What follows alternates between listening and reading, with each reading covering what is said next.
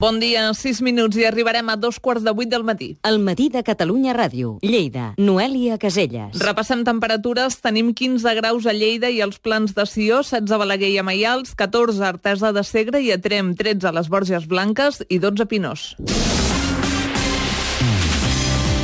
El sector turístic de les comarques de Lleida confirma la tendència al creixement des del setembre, amb un increment cada mes respecte al de l'any anterior. En total, un 5% en turistes i un 4% en pernoctacions. Amb aquestes dades i tenint en compte les reserves, el Patronat de Turisme de la Diputació de Lleida qualifica de bona la previsió d'ocupació pel pont de Sant Joan al Pirineu i anuncia bones pers perspectives per l'estiu. Jordi Blanc és el director del Patronat. Les circumstàncies econòmiques no han variat substancialment tots ho continuem passant tan malament o tan molt malament o tan mitjanament bé com fa dos, tres, quatre anyets, però en canvi sí que hem fet un canvi de xip respecte a la necessitat de sortir.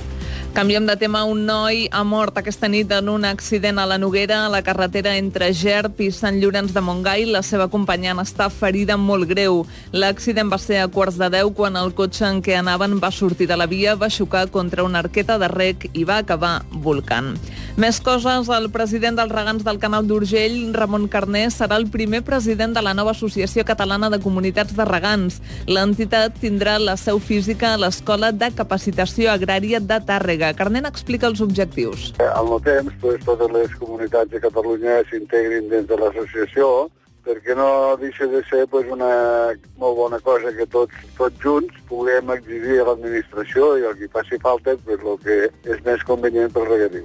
En clau laboral, la mina de carbó de Mequinança, l'única que quedava a la franja de Ponent, tanca definitivament. Es queden sense feina 50 treballadors. Francisco Montull és el president del comitè d'empresa de Carbonífera de l'Ebro. És una injustícia com ho estan fent. Hem estat l'única empresa de carbó que ha presentat un plan de rentabilitat a l'altura del 2017 i aquí el problema és que ja és que som una conca petita, no estem situats a Terol, llavors estem a la franja de no ningú. Tant l'Ajuntament com el comitè d'empresa confien en prejubilar o recol·locar els treballadors.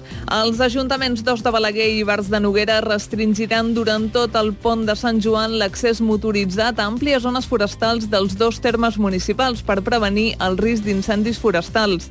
Des d'aquest divendres fins al dia 25 de juny s'instal·laran tanques que impediran l'accés motoritzat als boscos d'aquests municipis. I al Pallars Sobirà hi ha des d'aquesta setmana un planter experimental de vinyes autòctones recuperades de l'oblit.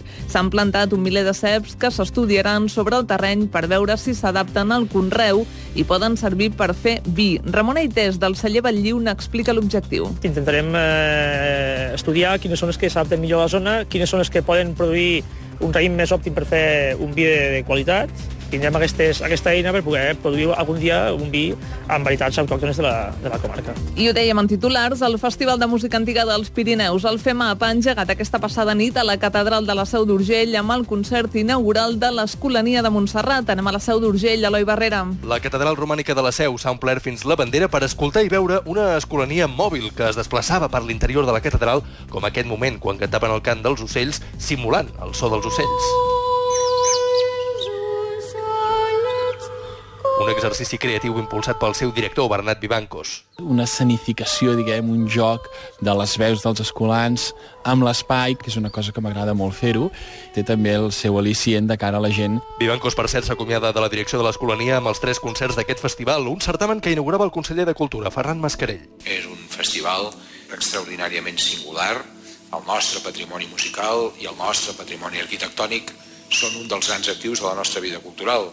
El FEMAP es consolida enguany amb una quarantena de concerts a 22 municipis del Pirineu català i andorrà.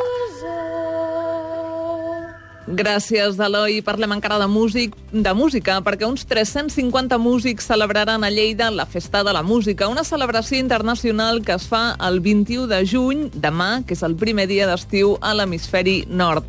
Jordi Montagut és el director de l'Escola Estudi Montagut. És donar aquest missatge a la gent, fer-los que entenguin eh, que la música forma part de, de la vida d'una persona.